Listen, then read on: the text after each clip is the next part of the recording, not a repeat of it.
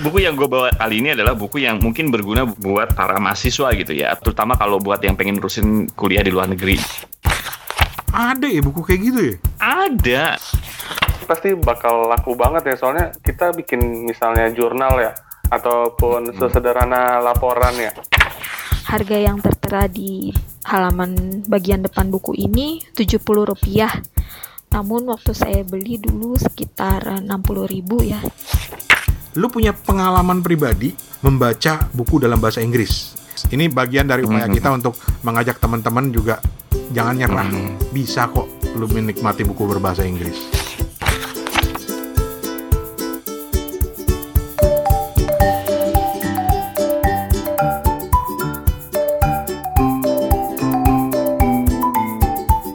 Oke, kita ketemu lagi di Kepo Buku bareng gua Rane Hafid Dan gue Hertoto Eko di Singapura. Stephen di Ambon. dan Rane Hafid udah di udah disebut tadi. Tiba-tiba gua ulang lagi, balik lagi. Ter dan Rane Hafid terus Toto balik lagi dan gua Toto di Singapura. Muter ya looping ya karu-karuan gitu. Itu aja terus sejam. Apa kabar semuanya? Sehat? Baik. Sehat, sehat. Sehat ya. Oke. Hari ini kita akan bahas bukunya Toto. Bukan buku gue, bukan buku gue. gue belum ngarang buku. Iya, iya maksudnya buku punya lu, To. Bukan punya gue. Oh iya, iya gue udah beli sih. Tapi maksudnya gimana ya? Ya begitulah. Lu ribet banget sih mikirnya, To. Kan being politically correct is really pain in the ass. Emang. Jadi, ya oke lah, oke lah, biar nggak pain in the ass, gua gua ralat kata-kata gua. Jadi, para pendengar yang budiman, hari ini kita akan membahas buku yang sudah dipilih dan dibaca oleh Bung Hertoto Eko di Singapura dan bagaimana kesan-kesan beliau terhadap buku tersebut. Baik sekali kesan-kesannya. Alah. Oke, jadi eh, buku apa itu? Langsung saja kita operkan kepada Bapak Hertoto Eko. Silakan. Kata bola.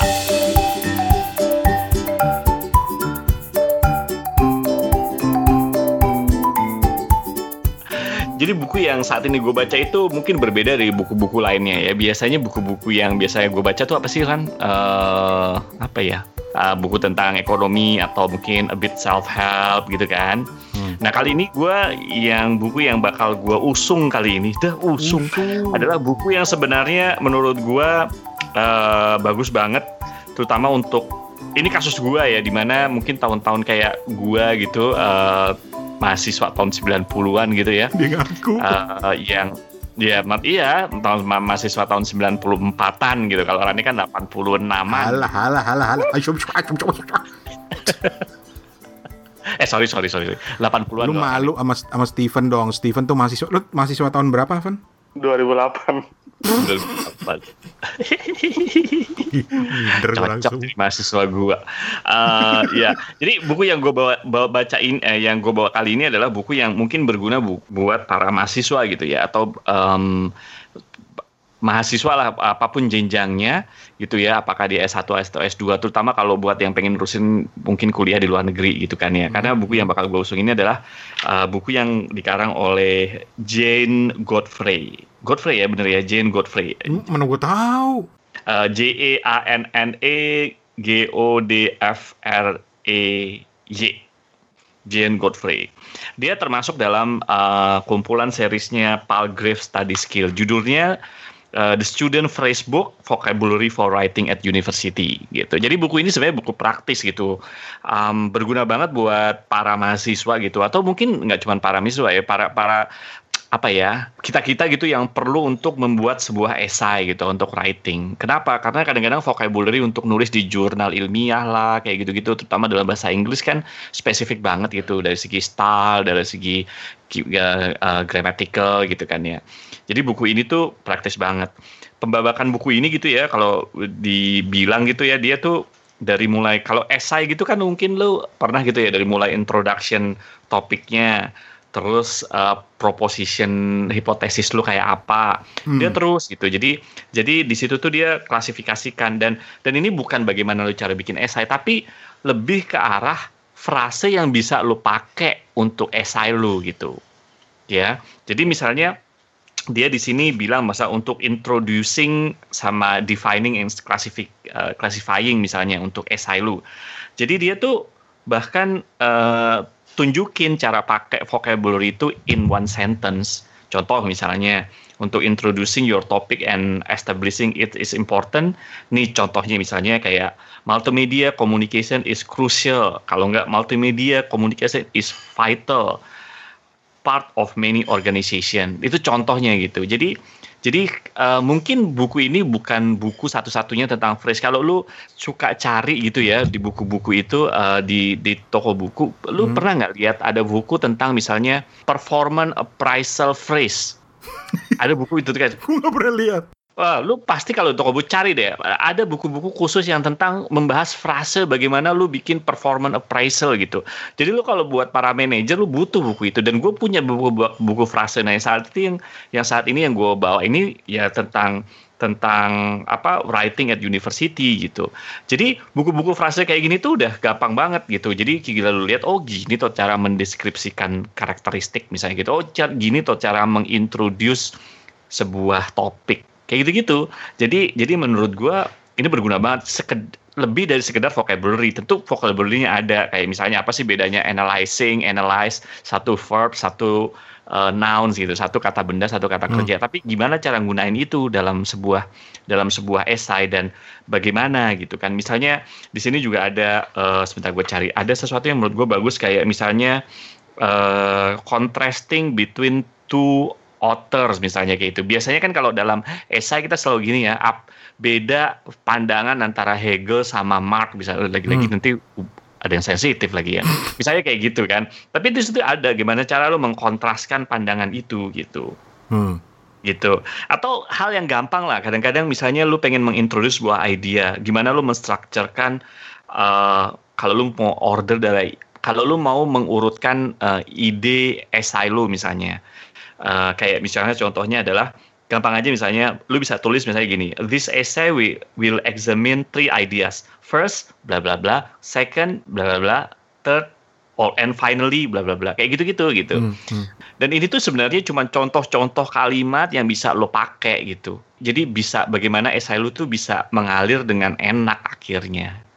Nah, buku-buku frase kayak gitu tuh sebenarnya banyak. Ini salah satunya contoh untuk esai. Kalau lu mungkin suka uh, cari aja gitu kalau di internet misalnya gitu atau di Amazon gitu lu cari deh Facebook. Pasti banyak lu akan muncul ada Facebook buat kayak tadi gue bilang performance appraisal ada Facebook buat uh, business writing kayak gitu-gitu.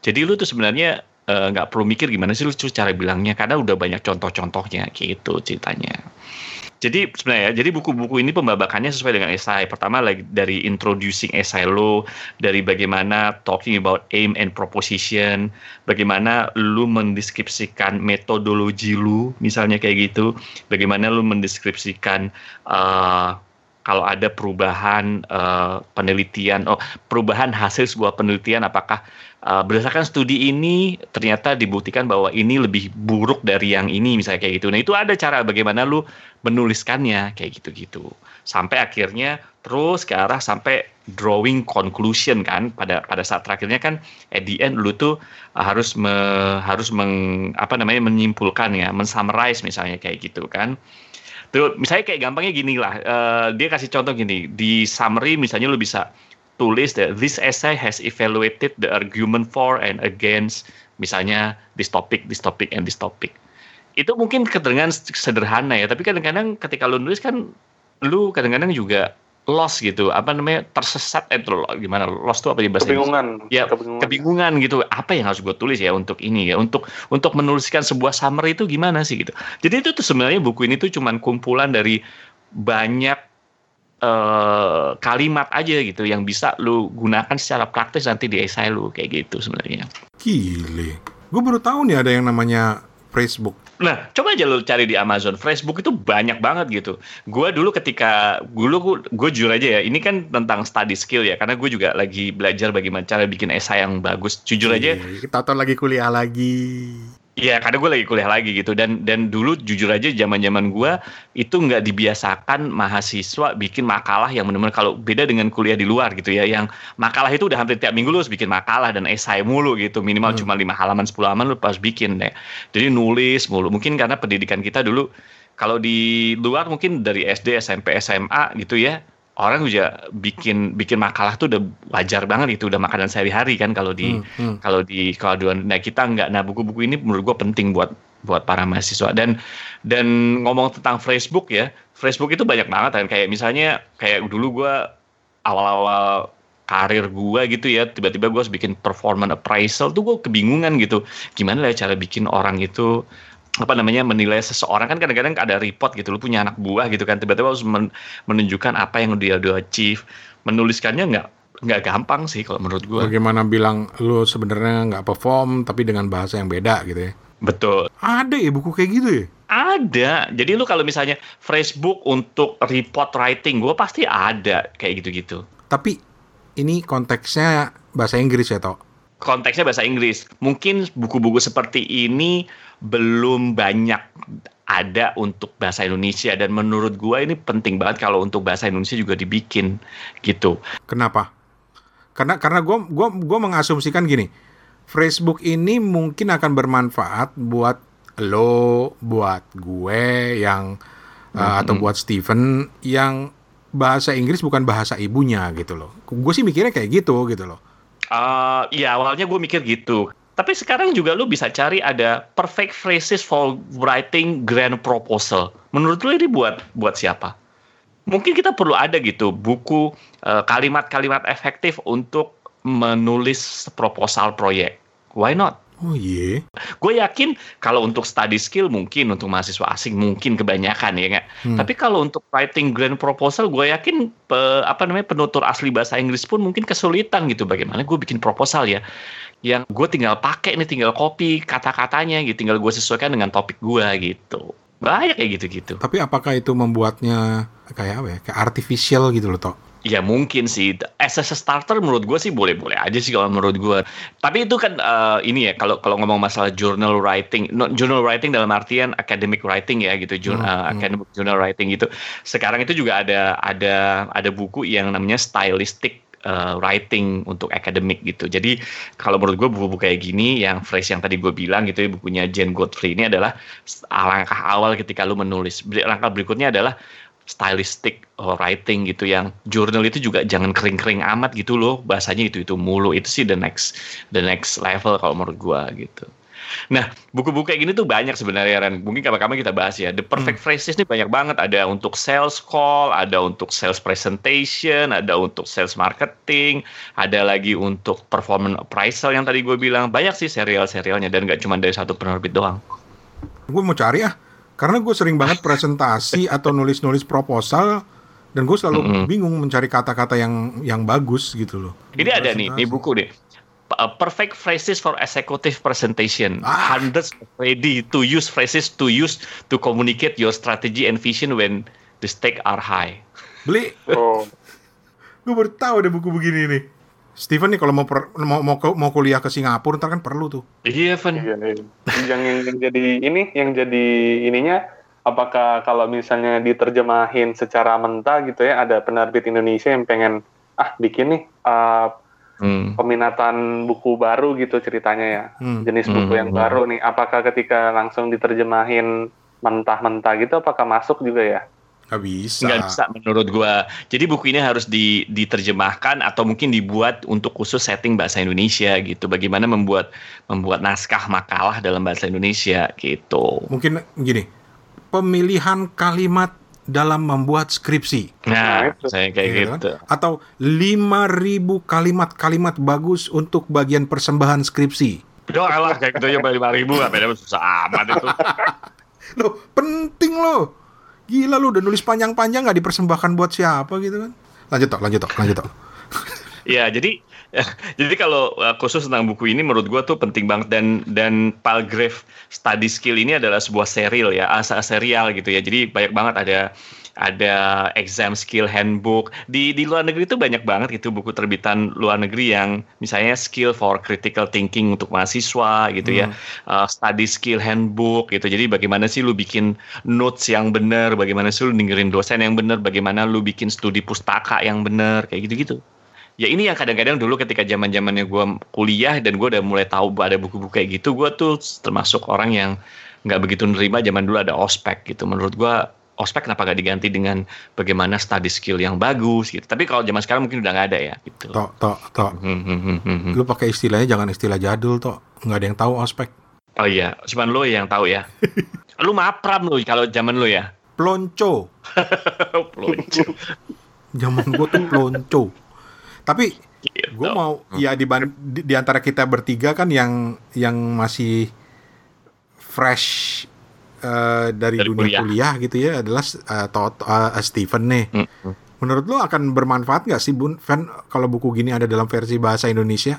Eh, ya, pasti ini pasti bakal bakal laku banget ya. Soalnya kita bikin misalnya jurnal ya, ataupun Mm-mm. sesederhana laporan ya.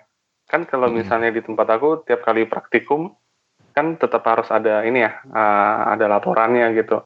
Nah, membuat eh, laporan, membuat jurnal itu kan membuat sebuah eh, gabungan dari hasil-hasil eksperimen atau entah kita ingin melaporkan sesuatu gitu ya melaporkan Betul. sesuatu secara ilmiah dan kita tuh kesulitan untuk untuk merangkai data-data tersebut gitu. Malah Mm-mm. ketika misalnya kita bisa eh, mencontek misalnya laporan orang, kita lihat tuh eh, cara dia menuliskan reportnya itu seperti apa. Ah, ah. Nah itu kalau misalnya dia punya kreativitas yang seperti itu, kalau misalnya dia blank sama sekali, nah udah dia Hmm. cuma cuma asal-asalan aja gitu. Dan tentu ini dan tentu eh, laporannya pasti bakal beda dengan orang yang punya paket gitu, paket eh, kalimat-kalimat yang lebih tertata, lebih efektif untuk untuk dipakai. betul Thank you banget. Ini ini ini, ini wah, gue praktis banget nih. Gue harus cari nih tentang cara bikin kalimat untuk proposal. lo bikin proposal proyek lo ya Pusing, pusing tok beneran bukan apa-apa. Pertama karena bukan bahasa ibu gue. Ketika gue harus bikin proposal, awal-awal gue kerja di perusahaan ini, Mm-mm. itu ketika gue harus bikin proposal, gue bikin dalam bahasa Indonesia dulu. Mm-mm. baru gue Mm, jadikan oke. ke bahasa Inggris tapi gue merasa kok kalimat-kalimatnya nggak enak gitu wah mungkin harus berpandu pada Facebook ini Mm-mm, cari fresh kayak gitulah baiklah sekali lagi judul bukunya adalah uh, The Student Phrasebook Vocabulary Ra- for Writing at University ya karangannya Jane Godfrey Godfrey Jane Godfrey dan ternyata menurut Toto banyak model-model phrasebook untuk konteks-konteks lain gitu ya betul untuk yang para profesional juga kayak gitu-gitu coba aja cari gitu Oke. Itu dia ada bukunya Toto kali ini yang cukup menarik dan praktis dan Toto emang bukunya selalu mengejutkan. eh paling random itu di kepo buku lu loh, Tok. Ya karena ya begitulah Lu pernah bahas buku tentang semacam uh, penyakit gitu ya? eh kapan oh iya iya waktu itu Iya ya kan? masalah eczema ya Eksima, Eks- penyakit kulit ya, eksima. Penyakit kulit, Lu ya. pernah bahas tiba-tiba lu loncat ke bukunya uh, Andrea Hirata. Hmm. ada irat ya tiba-tiba tiba-tiba bahas ke buku Facebook ini terus oh macam-macam lu paling random banget bukunya paling tapi wajar-wajar aja lah nggak masalah lah. Nggak diatur kok di kepo buku ini bebas-bebas aja. Betul betul. Enaknya di kepo buku tuh bisa ngomong buku apa aja. Kita pernah bahas buku resep bahkan. Silahkan cek Hmm. di episode kita yang ke belakang gitu ya.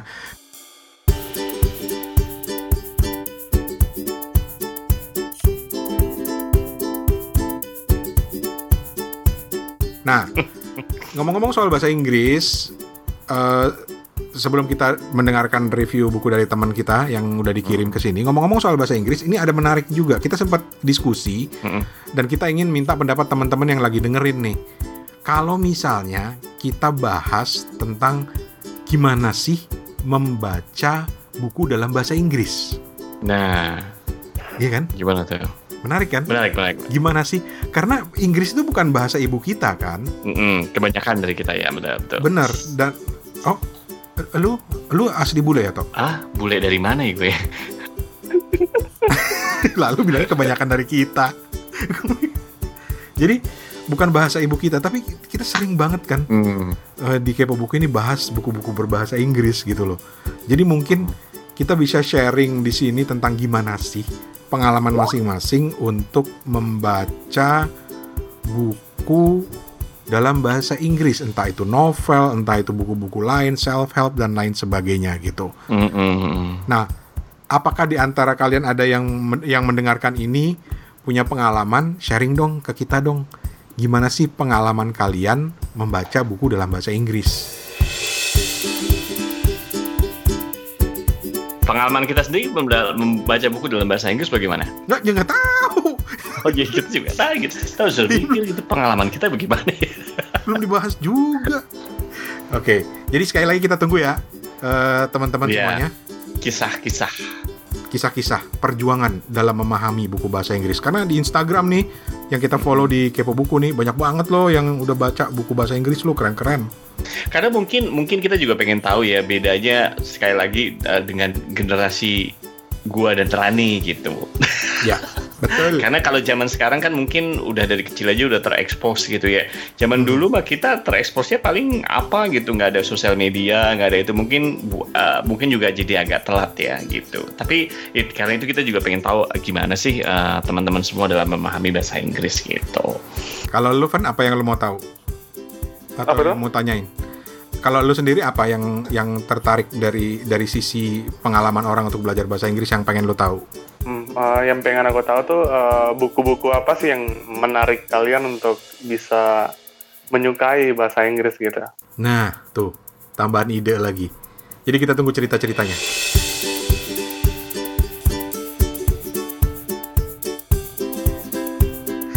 Oke, sekarang kita menuju ke salah seorang teman kita, namanya Yulia.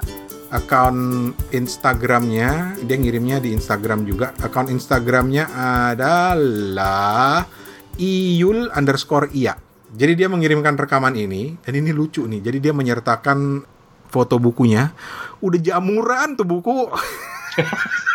Itu buku benar-benar ya. Itu dapat dari mana emang Gue nggak. Yulia ini koleksi dari dari mana atau sengaja baru aja beli gitu? Kayaknya menarik juga nih buku nih. Makanya judulnya adalah sejarah. Ini pakai ejaan lama ya, masih pakai DJ. Sejarah. Sejarah ekonomis sosiologis Indonesia.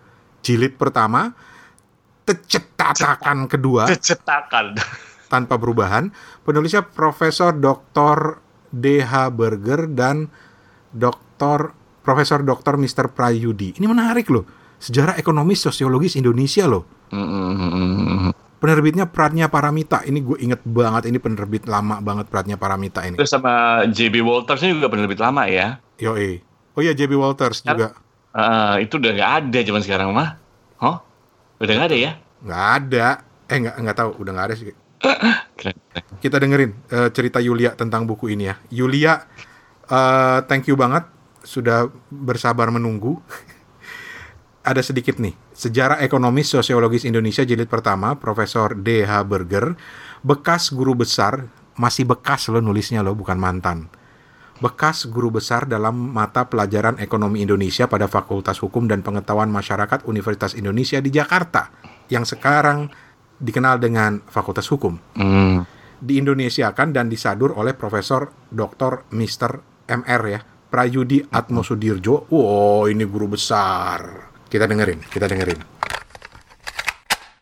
Halo Kepo Buku, halo Bang Rani, halo Mas Toto dan Kak Steven, juga para pendengar Kepo Buku lainnya. Kenalkan saya Yulia dan ini pertama kalinya saya mengirimkan ulasan buku ke Kepo Buku. Harga yang tertera di halaman bagian depan buku ini Rp70. Namun waktu saya beli dulu sekitar 60.000 ya di toko buku bekas Palasari. Isinya terdiri dari tiga bagian. Bagian pertama eh, yaitu tentang Indonesia sebelum tahun 1500. Bagian kedua, Indonesia antara tahun 1500 hingga tahun 1800 dan bagian ketiga yang dibagi menjadi dua yaitu Pulau Jawa dalam abad ke-19 dan daerah luar Jawa dalam abad ke-19. Pada bagian pertama dari buku ini yang menceritakan tentang Indonesia sebelum tahun 1500 um, menggambarkan tentang pengaruh kebudayaan perdagangan Asia kuno yakni dengan jalan laut dan jalan daratnya uh, terhadap perdagangan laut kuno Indonesia. Um, kapitalisme perdagangan dan kapitalisme politik dengan golongan yang mengambil bagian dalam perdagangan ialah orang-orang terkemuka atau para pembesar, pemberi uang dan perdagang eh, dan para pedagang kelontong yang menyebar. Bagian kedua dari buku ini yaitu tentang Indonesia antara tahun 1500 hingga tahun 1800 di mana uh, Indonesia kedatangan bangsa-bangsa Eropa. Uh, kedatangan bangsa yang Eropa yang pertama yaitu Portugis pada abad ke-16 uh, yang kemudian menguasai atau memonopoli daerah Maluku dan dilanjutkan dengan bangsa Belanda yang datang sekitar tahun 1600 hingga tahun 1800 mendirikan VOC, menunjuk gubernur jenderal kemudian memperluas pengaruh dan monopoli hingga pada tahun 1700-an semua pusat-pusat perdagangan besar Indonesia telah dikuasai VOC. Bagian tiga, eh, yang bagian tiga ini kan dibagi menjadi dua ya. Hmm, yang pertama itu Pulau Jawa abad ke-19. Nah, dibahas ulang dengan lebih mendetail perihal masyarakat Jawa tahun 1800 tentang kehidupan ekonomi di desa-desa dengan ikatan feodalnya. Nah, ikatan feodal ini menjadi uh, sebuah sistem yang mengatur produksi untuk keperluan para pembesar pribumi, kemudian produksi untuk VOC melalui perantaraan para raja dan bupati tadi, yaitu para pembesar, serta kerja untuk company dan memasok juga untuk ekspor company hampir semua sektor perekonomian seperti perinduk semangan, perbudakan, kerja upah, perniagaan, kredit, dan peredaran uang diatur dalam ikatan adat feodal ini. Pada saat Dendels ke Jawa, yaitu periode eh sekitar tahun 1808 hingga 1811, upaya pertama menerapkan direct rule tanpa perantaraan pembesar Jawa dilakukan dengan menerapkan stelsel tanah yaitu sekitar tahun 1813 hingga 1830. Uh, begitu juga pada saat Raffles uh, datang ke sini. Ketika para pembesar Jawa mulai mendapat gaji dan kepastian hukum, mulai diterapkan untuk melepas ikatan feodal itu. Uh, namun pada saat stelsel tanam paksa, ikatan adat atau feodal tersebut kembali dimanfaatkan oleh Belanda. Tanam paksa mulai meluas dari perkebunan tebu, perusahaan gula, partikelir, stelsel priangan dan berakhir kemudian uh, sistem tanam paksa ini berakhir. Uh, setelah sistem tanam paksa berakhir, mulailah periode periode politik kolonial modern, yaitu tahun 1870 hingga 1942. Pada saat uh, periode politik kolonial modern ini dikenal juga dengan pemerintahan Hindia Belanda. Nah, di sana mulai dihapuskan uh, sistem feodalisme, penghapusan kerja rodi, penggantian tanam paksa menjadi penanaman bebas, politik emansipasi dan individualisasi. Namun ada paksaan ekonomi untuk tetap melakukan kerja upah. Jadi ya tetap masih ada. Dan bagian kedua dari bag, bagian ketiga kan tadi bagian tiga dibagi dua. Nah ini bagian kedua dari bagian tiga tentang daerah di luar Jawa pada abad ke-19.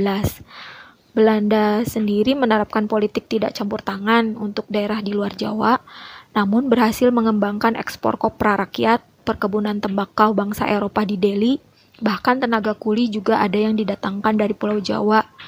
Kemudian juga timah dan minyak lampu. Sekian review buku singkat saya. Terima kasih dan sampai jumpa kembali di review selanjutnya. Ya. Oke, okay. Yulia, terima kasih.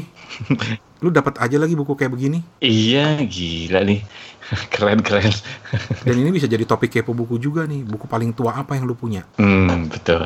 Lu buku paling tua apa yang lu punya, Tok? Apa ya? Bingung. Buku yang yang saat ini gue ada kemarin gue bawa sampai ke Singapura itu paling lama ya itu adalah bukunya Muhammad Diponegoro Eh. yang yuk nulis cerpen yuk Keren, keren, Maksudnya- keren. Kalau dari segi lama tahunnya itu yang gue bawa sampai ke Singapura sampai sekarang Dan apakah berhasil menulis cerpen yuk? oh tidak gue cuman penikmat bukunya aja Oke. Mm-mm. Ya kan? Topik menarik kan ya? Mm-mm. Dan ini juga nyambung dengan obrolan kita soal misalnya ide untuk bahas pengalaman jual dan beli buku online di marketplace, di all shop. nah Nah, Steven nih lebih punya pengetahuan soal ini. Jadi Steven nanti akan kita ajak juga untuk ngobrol ini, Evan ya. Iya. Tapi lu dari Kesatria Buku, nah ini sekalian promosi nih, toko buku Kesatria Buku itu dijualnya di Instagram aja atau di all shop juga atau gimana, Van? Iya, di marketplace Tokopedia, Bang Rane. Uh. Tapi yang aku dengar nih, yang aku dengar dari pemilik akun toko buku online paling hits di Indonesia, soalnya paling besar ya kira-kira followernya ya di Instagram. Siapa? Namanya tuh ini Dema Buku. Oke. Dema buku oke Iya, eh, dia tuh bilang kalau yang paling kenceng jualan buku tuh di kanal Shopee sebenarnya. I bukan di Tokopedia. Hmm. Iya sih. Anak gue juga beli buku-buku terjemahan Koreanya tuh di situ. Dan sekarang tuh banyak banyak penerbit mayor yang buka lapak online di situ di Shopee, Bang Rane, Mas Toto. Hmm. Hmm, oke oke Kesatria Buku nggak berminat? Eh, ini belum aja. Belum. Enggak, enggak maksudnya pengen-pengen ini, pengen maksimalin yang ada aja di sini dulu. Ah, Hmm. Itu aja dia udah kelimpungan ci. melayani pembeli, Stephen. Saking lakunya tuh. itu. Saking lakunya tiap hari dia lembur-lembur sampai jam 2-3 pagi. Sampai orang nggak kenal uh, social distancing tuh karena berebutan. Amin gitu. Amin Iya. gitu, Pak. Amin gitu, Iya. Pak. Ya udah, cerita dulu dong sedikit. Satria Buku udah udah gimana ini sekarang? Oh iya, Ada buku terbaru apa yang menarik? Satria Buku tuh punya koleksi um, dari margin kiri, terus dari dari penerbit kakak tua. Uh, ada banyak sekali buku-buku klasik ya yang kita yang saya ambil tuh untuk memenuhi deretan lini fiksi. Jadi uh, penerbit buku kakak tua tuh ada banyak cerita klasik seperti cerita rakyat Korea, eh cerita rakyat Jepang, cerita rakyat Cina, terus ada kumpulan-kumpulan dongeng dari H.C. Anderson, dari Hmm. banyak sekali penulis-penulis lainnya juga. Fen, Fen, Fen, Mm, aturannya lu tambahin satu stok lagi, Fen. Mungkin buat Rani nih, dia suka kali. Buku Apa? filsafat, buku filsafat, Iya. tapi ini lagi buku filsafat terbitan margin kiri. Hah? Mati Ya, ketawa, ya, mati ketawa cara Slavoj eh, Zizek, Fen. Serius lu ada tuh buku? Ada. ada. Penerbitnya margin kiri. Itu bisa gue beli di udah gue bisa beli di Satria Buku. Kebetulan Oh, ini gue lihat di ya. Dema buku, cuman dia lagi out of stock. Nggak apa-apa, nggak apa-apa. Enggak, enggak. Tadi kan si eh, Steven bilang Dema buku nih yang terbesar. Nah, kebetulan gue lagi cari bagian filsafat. Ternyata ada buku judulnya Mati Ketawa Cara eh, Slavoj Zizek. Penerbitnya margin kiri gitu. Mungkin Hmm. Steven bisa nyetok juga. Sip, sip, sip, sip. Dan dan sekalian ini ya, sekalian nyambung lagi. Kalau misalnya untuk Bang Rane sama Mas Toto yang pengen lihat gimana sih cara eh, penyajiannya margin kiri, mereka udah bikin juga di uh, Playbooks. Jadi bisa dicari di situ e-booknya. Oh, mereka ada e-book juga gitu Asik. semua. Iya, Atau Baru sebelumnya? aja, baru. Oh. baru aja. Dan ada nih bukunya yang tadi Mas Toto bilang. Mati ketawa cara Slavoj Zizek. Hmm. iya, Ah. gambarnya ini, gambarnya Zizek pakai ini hidung badut. Badut. Jadi, uh, Oke, siap. Gue cari. Thank you banget. Dan buat teman-teman yang mau coba ke toko buku online-nya Steven, main aja ke Instagram di @kesatriabuku. Instagramnya @kesatriabuku. Kita udah lama lo nggak promosiin toko bukunya Steven. Oh, iya nih gimana sih sponsor utama. Temen lain kita promosiin, temen sendiri lupa. uh, iya. Thank you, thank you. Oke, jadi dari hasil itu udah udah udah bagus ya. omsetnya bagus ya. Ya pengen pengennya sih bagus ya, cuma pengen kayak Atomic Habit-nya Mas Toto aja dulu. Eh, ya yang, yang penting satu minggu tuh terjual satu dua buku lah yang yang Oh, dalam Yang seminggu tuh ada lah yang beli ya. ada lah iya. ya. diharapkan gitu dulu. Oke. Ya kasih nilai tambah dong. Misalnya kalau lu beli di Ksatria, karena kan misalnya buku margin kiri ada di mana-mana gitu kan. Di playbook udah ada. Hmm. Jadi tawarin dong. Misalnya kalau lu beli lu dapat tanda tangan Steven gitu. Dapat foto Steven dengan tanda tangannya. Lengkap dengan cap bibir. Ada ada tuh ini pengarang yang bikin novel dengan PO ya, dia PO. Hah? Salah satu halaman awal tuh dikasih itu di dicap bibir. Cap bibir asli. Seriusan. Iya, beneran. Seriusan. itu orang, orang gue bisa gak bisa bayangin ya ada pengarang itu katanya udah gempor nanda tangannya 3000 buku. Ini cap bibir satu satu. iya. Gimana kan? Jontor tuh bibirnya. Doer doer. Kalau ada doar doar.